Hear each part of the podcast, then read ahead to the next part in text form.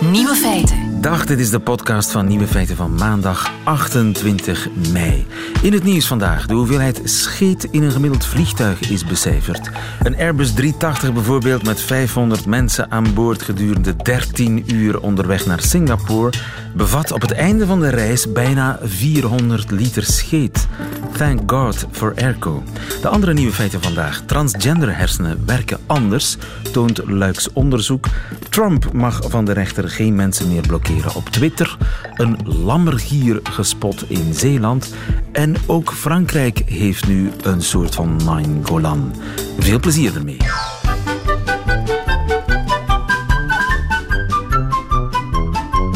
Nieuwe feiten. Het brein van transgenders, dat werkt anders, blijkt uit onderzoek in Luik. Dag Julie Bakker. Hallo. Professor Bakker, neuroendocrinologe van de Universiteit van Luik. Je hebt uh, onderzoek gedaan bij hele jonge mensen, geloof ik. Hè? Hoe, hoe oud waren ze? Ja, klopt. Dus we hadden een groep met kinderen, dat was dan voor de puberteit. Die zijn dan rond een uur of elf, uh, uur of elf een jaar of elf. En we hebben adolescenten die dan uh, rond de 15, 16 jaar zijn. En waarom nam je zo'n jonge proefkonijnen? Nou, omdat het iets is wat eigenlijk ook al heel jong uh, zich manifesteert. Hè. Dus het is zo dat kinderen eigenlijk al rond hun vijfde, zesde jaar al deze gevoelens kunnen hebben. Want we weten dat genderidentiteit, zeg maar of je nou een jongen of een meisje bent, dat is ongeveer al vanaf een jaar of twee uh, of drie dat je dat weet. En dat ook kinderen kunnen aangeven of iemand een man is of een vrouw. En dus is het zo bijvoorbeeld, want dit onderzoek is dus gedaan aan de Vrije Universiteit in Amsterdam.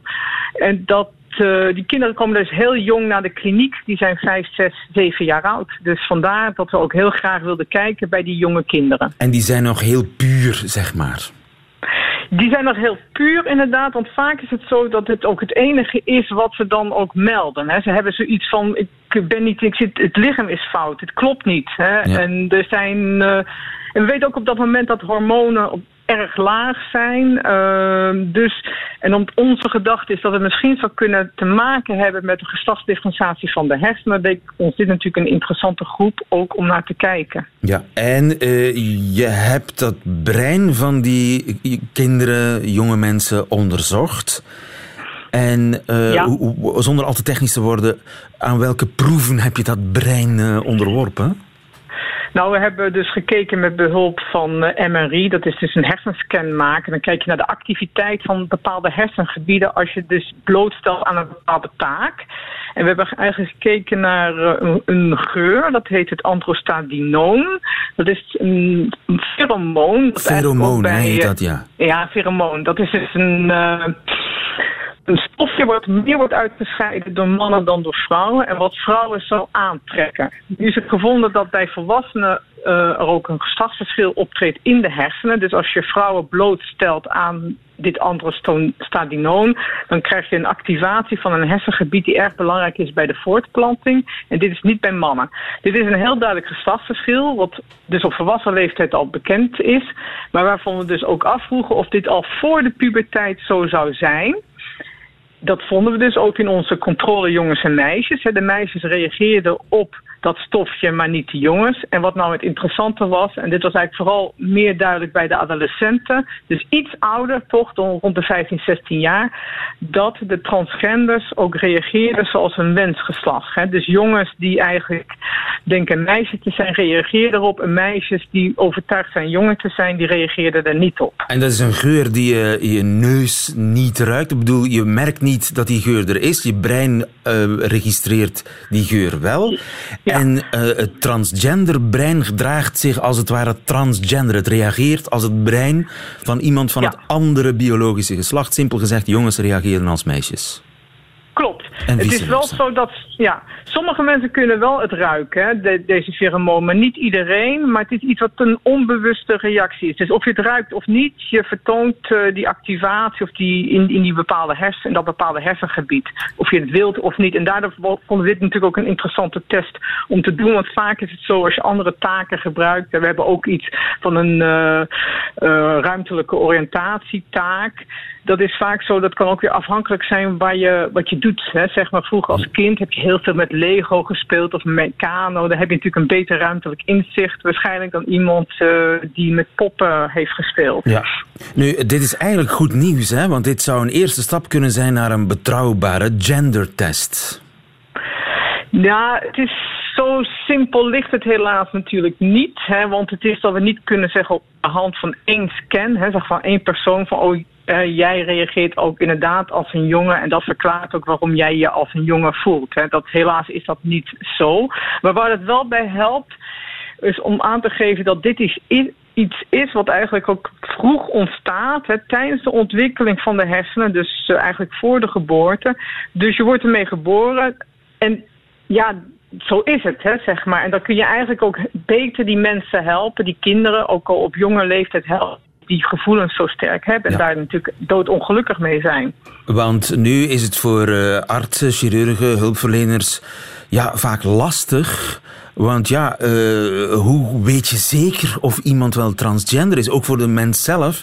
Vaak een lange ja. tocht langs psychiaters uh, voor Precies. je een, een diagnose krijgt. Zo'n biologische marker zou een enorme hulp zijn. Dat uh, is zeker zo. Misschien inderdaad uh, in de toekomst dan uh, met ja, de technologie wordt natuurlijk steeds beter. Hè? Kennelijk Skype niet, maar maar alles gaat vooruit. Dus er is misschien inderdaad hoop dat op een gegeven moment een, een, betere biologische marker zal komen. Waardoor je inderdaad zou kunnen aan, aan de hand van een, van een hersenscan zou kunnen zeggen ja of nee. En dat zal natuurlijk inderdaad enorm helpen. Want nu is het inderdaad een vrij lange leidingsweg. Vaak is het zo dat men wacht maar af en misschien komt het ooit wel goed. En dat is een beetje het probleem natuurlijk. En dat zie je ook wel wat goed is in hoe het wordt gedaan in Amsterdam. Dat die kinderen die worden dan uh, vrij jong hè, behandeld. En krijgen ze remmers uh, van de puberteit op 12 jaar. En dat helpt hen natuurlijk enorm. En ja, dat helpt ook al heel veel. Dus uh, er, zit, Tuurlijk, ja.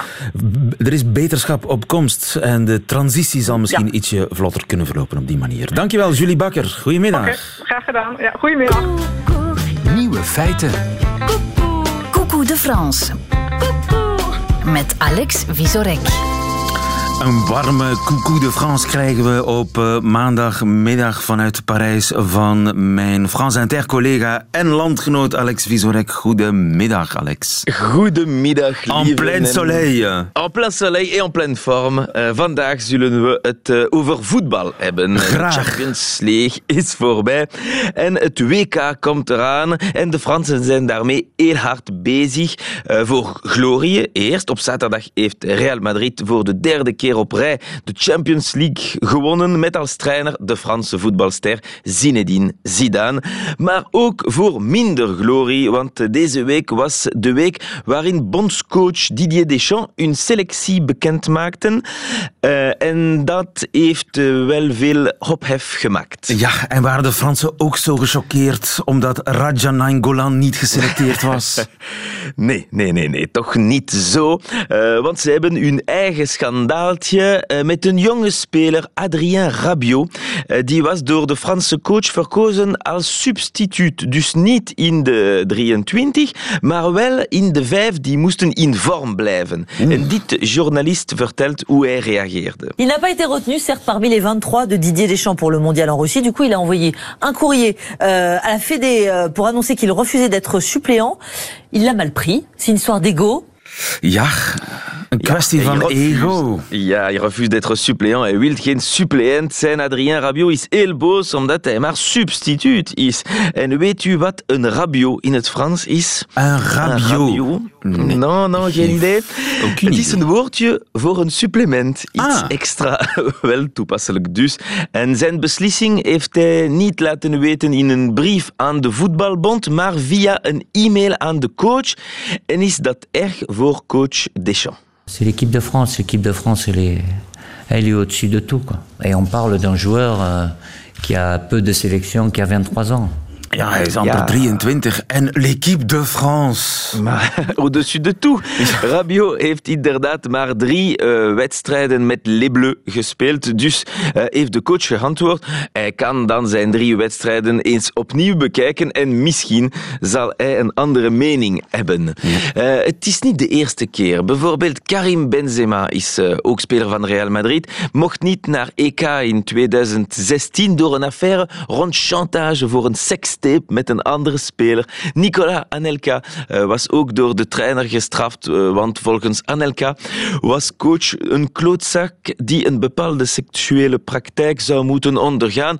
Blijkbaar ging hij niet akkoord, maar iemand die het meeste spijt moest hebben is Eric Cantona, de Franse legende van Manchester United. Iedereen verwachtte hem op WK in eh, 98, behalve de coach Aimé Jacquet. En wat is er gebeurd in 98? Vous le croyez ça L'équipe de France est championne du monde en battant le Brésil. 3-0, deux buts de Zidane, un but de Petit. Je crois qu'après avoir vu ça, on peut mourir tranquille. Enfin, le plus tard possible, mais peut. Inderdaad, je kun, we kunnen in vrede sterven. Frankrijk kampioen. Ja, in eh, 98 Ja. was dat geloof ik, hè? Ja, ja, beeldje 1. hij was de favoriet van de fans, maar moest zijn team zien kampioen worden op zijn tv. Dat gevoel zal Raja Nangolan binnen een paar weken hebben. Maar waarom was Cantona eh, niet in de ploeg? Sommigen zeggen dat Cantona een te dikke nek had. Eh, en dat is waar. Raymond Goethals was ooit zijn trainer in Marseille. En eh, die wilde een keer Cantona op de bank laten. En hij zei, coach, Cantona, il ne s'assoit pas sur le banc. En wat antwoordde Goethals? Je comprends très bien, Eric, si tu ne veux pas t'asseoir sur le banc, tu peux t'asseoir à côté du banc. voilà. Als. hè? Belgische humor. hield geen blad voor de mond. Eh, Cantona, en ehm, dat hij van l'équipe de France geen fan was, eh, liet hij vaak horen, ook later in 2010, over coach Domenech. Je crois que Domenech est en fait l'entraîneur le plus nul du football français depuis Louis XVI. L'entraîneur le plus nul du voetbal slechtste. français depuis Louis XVI. De bekende legendarische voetballer Louis XVI. Inderdaad, Louis XVI, als hij voetbal speelde, was het eh, zeker niet eh, goed met het hoofd. Hij had er geen meer. Eh, ook eh, Cantona, eh, zijn gedrag op het veld was niet altijd een voorbeeld. Hij werd eens eh, veroordeeld omdat hij een fan met zijn voet had eh, getroffen. En zijn antwoord aan de journalisten was dit. When the seagulls follow the trawler, it's because they think sardines will be thrown into the sea.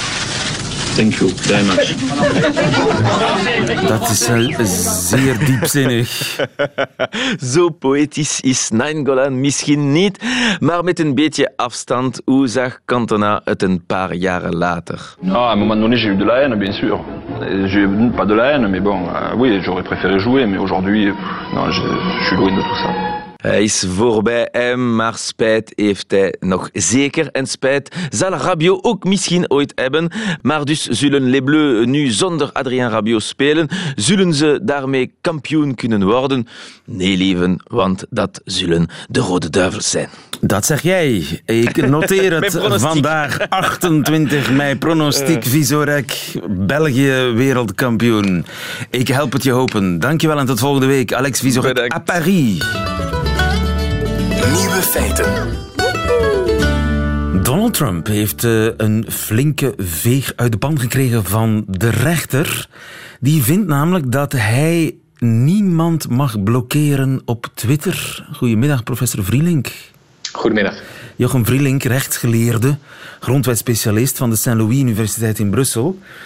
Ja. De president ja, die heeft er een handje van weg hè, om eh, iemand die hij niet leuk vindt eh, te blokkeren. Maar als, als hij mij nu zou blokkeren, zie ik dan zijn tweets niet meer binnenlopen? Nee, nee, dus dat is ook een misvatting die je in veel eh, media leest. Eh, de schending eh, van de vrijheid van meningsuiting die de rechtbank hier vaststelt, zit hem uiteraard niet in het feit dat iemand die geblokkeerd wordt geen toegang meer zou hebben tot Maar ik zie, die, ik zie zijn tweets wel niet meer spontaan binnenlopen, toch? Als je op Twitter zit, iedereen die op Twitter zit, die, die weet hoe dat werkt, dan zie je op je account inderdaad die tweets niet meer binnenlopen. Uh, maar je kan via de publieke search-functie uh, nog altijd toegang krijgen tot die, uh, ja, ja, dat, tot die tweets. Is... Of je kan een nieuwe account aanmaken. Dus dat is echt niet de essentie van, van het vonnis. Daar gaat het niet om. De rechter is vooral iets anders ja. niet akkoord, mee akkoord. En Precies. wat is dat andere Precies. dan? Dus dat andere, um, dus het probleem voor uh, de rechtbank is het feit dat die persoon niet langer in staat is om te antwoorden. In de thread, zoals dat dan heet, de draad, zoals we dat soms in het Nederlands uh, noemen, in de draad van die discussie op Twitter. Uh, en de rechter die stelt zelfs, ja, het maakt eigenlijk zelfs niet uit dat Trump die antwoorden niet, niet hoeft te zien. Hè? Dus, dus muten, zegt de rechter, blijft uitdrukkelijk een optie. Dus muten is dat je niet iemand onmogelijk maakt om je, je tweets te zien, maar dat jij als degene die je account beheert ja. niet langer die antwoorden ziet. Maar, zegt de rechtbank, de, de, de president moet wel het recht vrijwaren wanneer hij als president de wereld aanspreekt via zijn account om politieke oneenigheid, dissent, uh, zeg maar, te laten uiten door die tegenstanders. Je mag, dus niemand, je mag niemand uit de discussie zetten. Juist, juist. Ja. Dat is eigenlijk en, en het belangrijkste argument. Dat is het belangrijkste argument en dat gaat eigenlijk terug uh, op, op een Amerikaanse doctrine die heet de Public Forum Doctrine. Dus de, dat heet de zeg maar, publieke forum doctrine. En die gaat eigenlijk terug tot in de 19e eeuw. Dus vroeger had je mensen, uh, zogenaamde soapbox speakers, dus mensen die op een zeepkist gingen staan in het park om spontaan allerlei politieke speeches te houden. En in die tijd werd door uh, de rechtbank een doctrine ontwikkeld die dat toestond op bepaalde publieke uh, plaatsen. Dat wil niet zeggen dat je altijd op die plaatsen altijd en overal een speech kon beginnen. Hè, dus uh, daardoor bijvoorbeeld het verkeer kon stilleggen. Maar um, wat wel absoluut belangrijk was en essentieel was, was voor zover de overheid dat soort dingen toestond, dan was het absoluut verboden op die media um, om viewpoint discrimination te doen. Dus om discriminatie op basis van het gezichtspunt van iemand uh, toe te passen. Dus, Elke dus, mening je zou zeggen, is waardevol. Bij ja, dus dat je niet zegt van alleen standpunten voor de Irak-oorlog mogen aan toe, mogen aan bod komen. De beide kanten moeten aan bod komen. En als je dat niet doet, dan is er sprake van viewpoint Ja, dat is een, de uh, viewpoint doctrine. Maar ja. het is ja. wel zijn privé-account. At, at real Donald ja. Trump. Het is zijn feestje. Hij nodigt toch uit wie hij wil?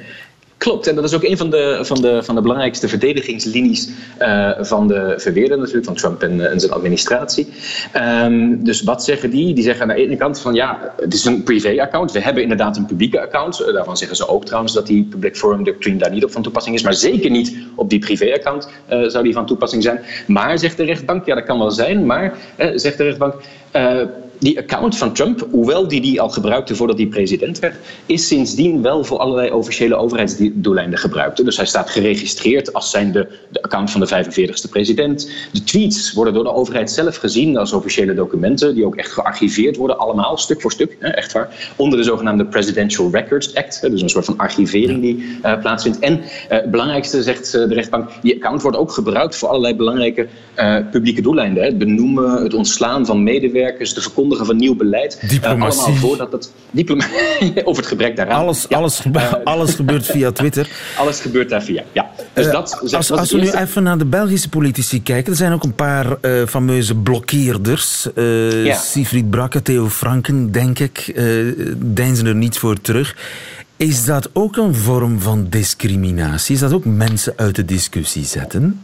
Nou ja, dus, dus de eerste vraag is natuurlijk sowieso of dit uh, vonnis in Amerika overeind blijft. Er zijn heel veel uh, vraagtekens bij te, bij te plaatsen. Uh, dat het echt niet zo duidelijk is of die, of die thread onder zo'n Twitter-discussie wel gezien kan worden als een public forum. Dus de meeste. Dus ook de Amerikanen zijn er nog niet uit? De Amerikanen zijn er absoluut niet uit. Dus, het is, het ik schat dat het 40% kans is dat het overeind blijft, 60% van niet. Want het is wel een slim vonnis. maar desalniettemin, als je dan de vraag stelt: van ja, is dat transplanteerbaar? Mijn aanvoelen is nee. Dus we hebben hier een totaal andere benadering van de vrijheid van meningsuiting. Uh, helaas zou ik overigens zelf zeggen, die, die, die sterke, robuuste vrijheidsverdediging die men in de VS heeft, kennen we hier niet. Dus die doctrine van een public forum waarop geen discriminatie op basis van standpunt uh, mag plaatsvinden, die kennen we eigenlijk niet. Sterker nog, als je kijkt naar onze wetgeving, heel veel van onze wetgeving is niet neutraal op het punt van gezichtspunten. Je mag van alles niet vinden. Ja, ja, precies. In een bepaalde richting. Dus negationisme, seksisme, dat is ondenkbaar op basis van viewpoint neutrality dat dat in de VS uh, wetgeving zou zijn. En daardoor zie je ook dat ons recht en onze rechtbank dus niet zo streng zijn op dat vlak. Uh, en meer in het algemeen zie je dat de vrijheid van meningsuiting niet zo heel sterk uh, verdedigd is, zodat ook heel veel van de tweets uh, die bij Trump aanleiding geven tot blokkeren, bij ons zelfs onwettig misschien zouden zijn. Ja, ja. Er is waarschijnlijk geen rechtbank die zal zeggen van als een tweet prima facie onwettig is, dat je gehouden bent om die niet te blokkeren. Dus onze politici die kunnen rustig verder blokkeren, zij zullen Goh. niet snel door een rechter worden tegengehouden. Eh, niet zo snel op basis van de vrijheid van meningsuiting. Ik denk wel, als je toch als je echt zegt van ja, vraag me eens om een creatieve oplossing, dan zou je kunnen proberen uh, om niet zozeer via de vrijheid van meningsuiting te werken, maar via de uh, discriminatiewetgeving, die in België heel uitgebreid is. Uh, en die wetgeving is ook van toepassing op allerlei economische, sociale en politieke en culturele activiteiten die toegankelijk zijn voor het publiek. En dus op zich ja, eh, Twitter is toegankelijk voor het publiek, is een politieke activiteit wanneer het gaat om uh, publieke uh, figuren die daarop zitten, politieke figuren die daarop zitten. Dus je zou kunnen beargumenteren um, dat het uitgesloten worden om de, van de, van de Twitterfeed van een politicus, dat dat zo'n ja, uitsluiting is bij een politieke of sociale activiteit. en dan ja, dan is discriminatie ook op basis van politieke overtuig, eh, overtuiging verboden bij die activiteit. Uh, dus dat is een punt wat je zou kunnen maken, maar ook daar denk ik, uh, de, de, kans is gering dat een, een, een, een rechtbank je daarin zou volgen. Ja. Maar dat is, het is een mogelijkheid. Het ja. is natuurlijk uh, ja, juridisch niet al te. Het is een beetje drijfzand, want er zijn nog geen Twitterwetten. Ja. Dankjewel. Nee, Jochem Vrieling, goedemiddag. Ja, ja tot ziens. Radio 1.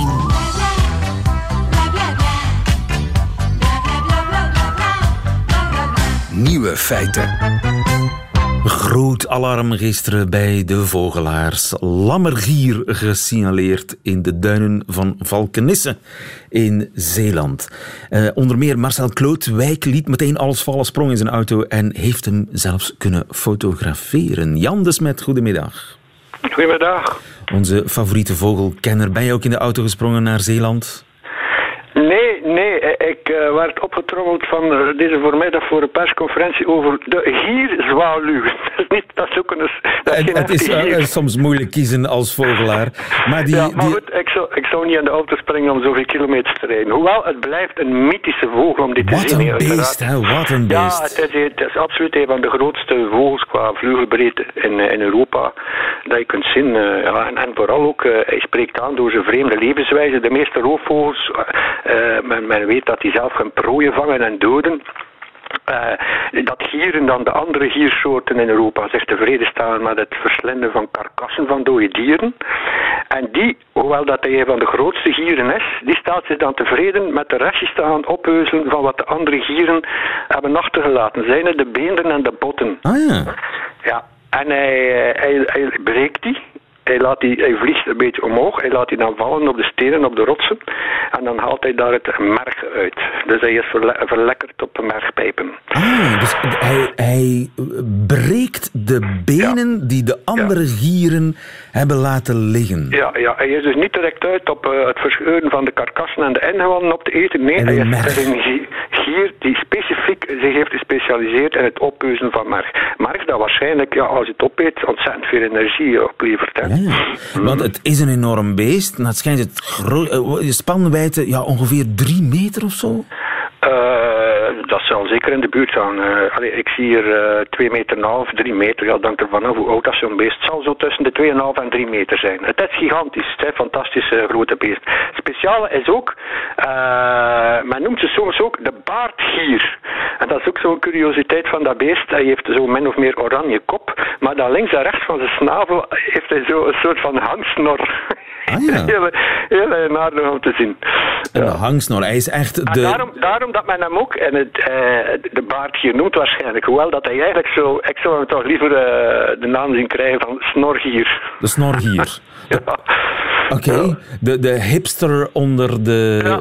uh, ja. gieren. en hij is heel zelden, of misschien zelfs nooit, te zien bij ons. Uh, nee, nee, nee, nee. Het is een absoluut het is een, een dier dat zich, laten we zeggen, sinds de 19e eeuw, uh, zover dat we dan in de geschiedenis kunnen terugkijken, vooral beperkt bleef tot de gebergtegebieden zoals de Pyreneeën, zoals de Alpen en dan verder de Karpaten enzovoort. Want het is wel een dier dat een zeer groot, als het op onze planeet afspeelt, met een zeer groot uh, verspreidingsgebied, he, tot ver in de Himalaya in het Verre Oosten.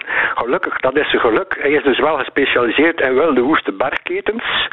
En ja, die exploiteert hij uh, overal waar hij die uh, vindt ja. Onze, onze planeet. Ja. Maar zeg, zoute landen en, en het eiland Walcheren, Walcheren, dat is niet bepaald een woeste bergketen, toch? Nee, maar dat zijn. Uh, men is dus begonnen met kweekprogramma's. Dus want dat dier was dus uiterst bedreigd. Uh, het feit dat hij lammergier heet, uh, betekent al dat hij in, de slecht, in een slechte ruk stond bij uh, veetelers en, en, en schaapherders. Men verdacht er hem van dat hij dus lammetjes op had. Hè. En dat was een van de redenen waarom dat ze regelmatig nesten of de volwassen vogels kapot maakten of uitroeiden. Omdat men, ja, de, de, de landbouwers van toen, de veetelers, die verdachten die roofvogel van dat, zij, dat hij aan schade berokkende. Hè. Ja, en dus zijn ze die opnieuw aan, aan het uitzetten, als het ware? En nu, en nu, na die zware crisisperiode, die stellen achter de rug is, de mensen is meer en meer mededogen gaan doen voor al die grote schepsels. We zien dat tegenwoordig ook gebeuren met de wolf die terugkeert.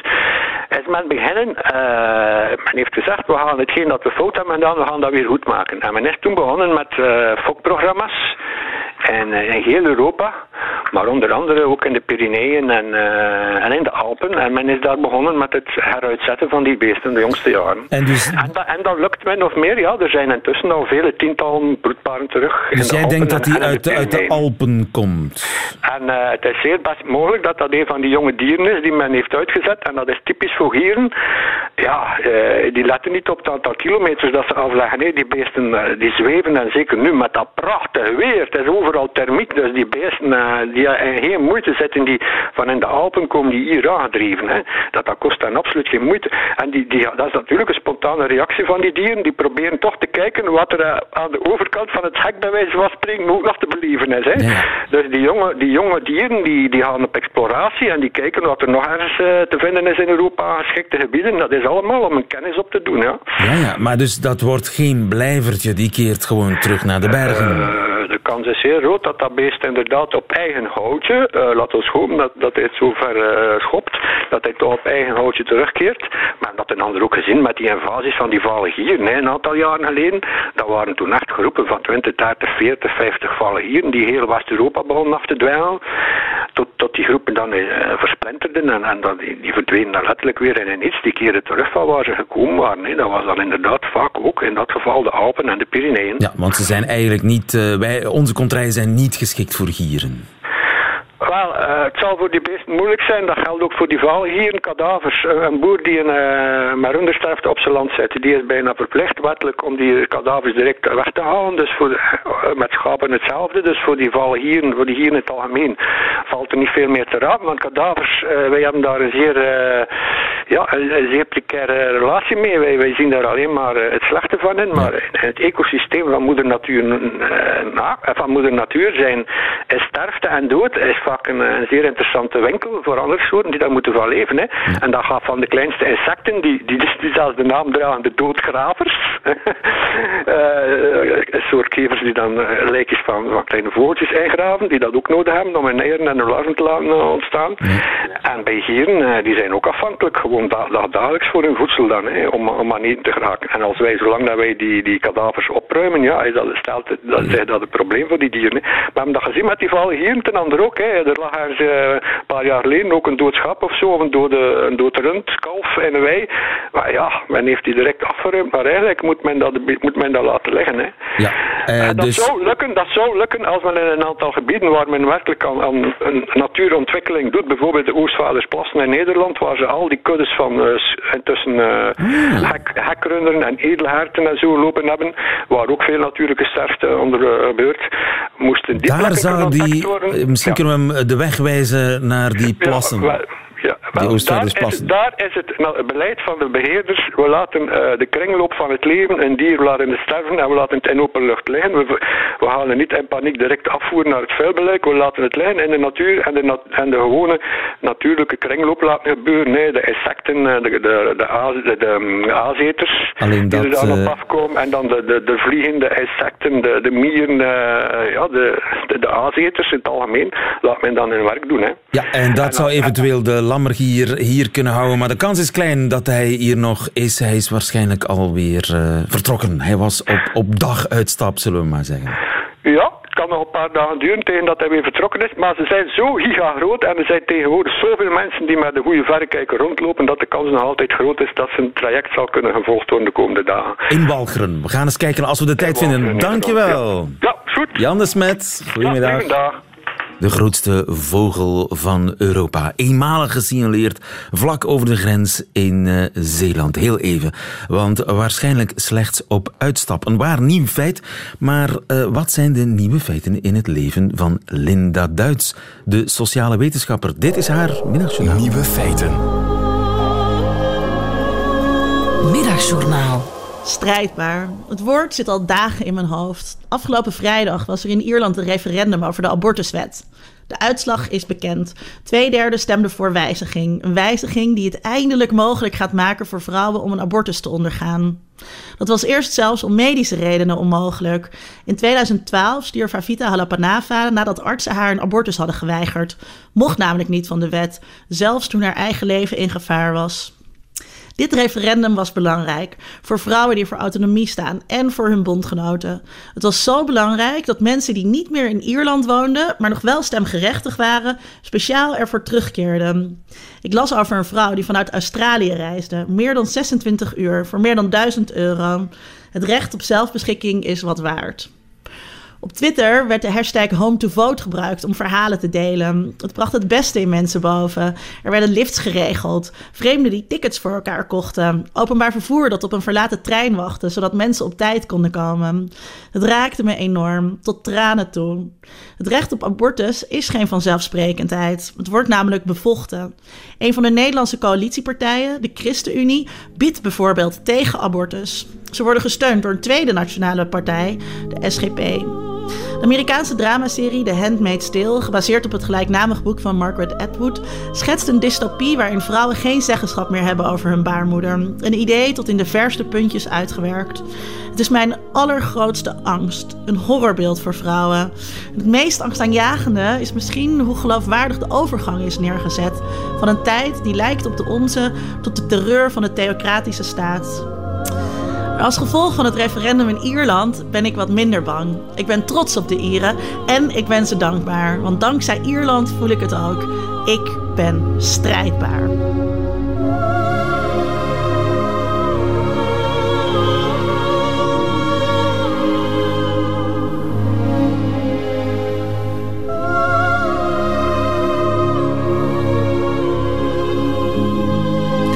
Het middagjournaal van Linda Duits. Meteen het einde van deze podcast. U vindt er nog veel meer op radio1.be en op de gebruikelijke podcastkanalen. Tot de volgende keer.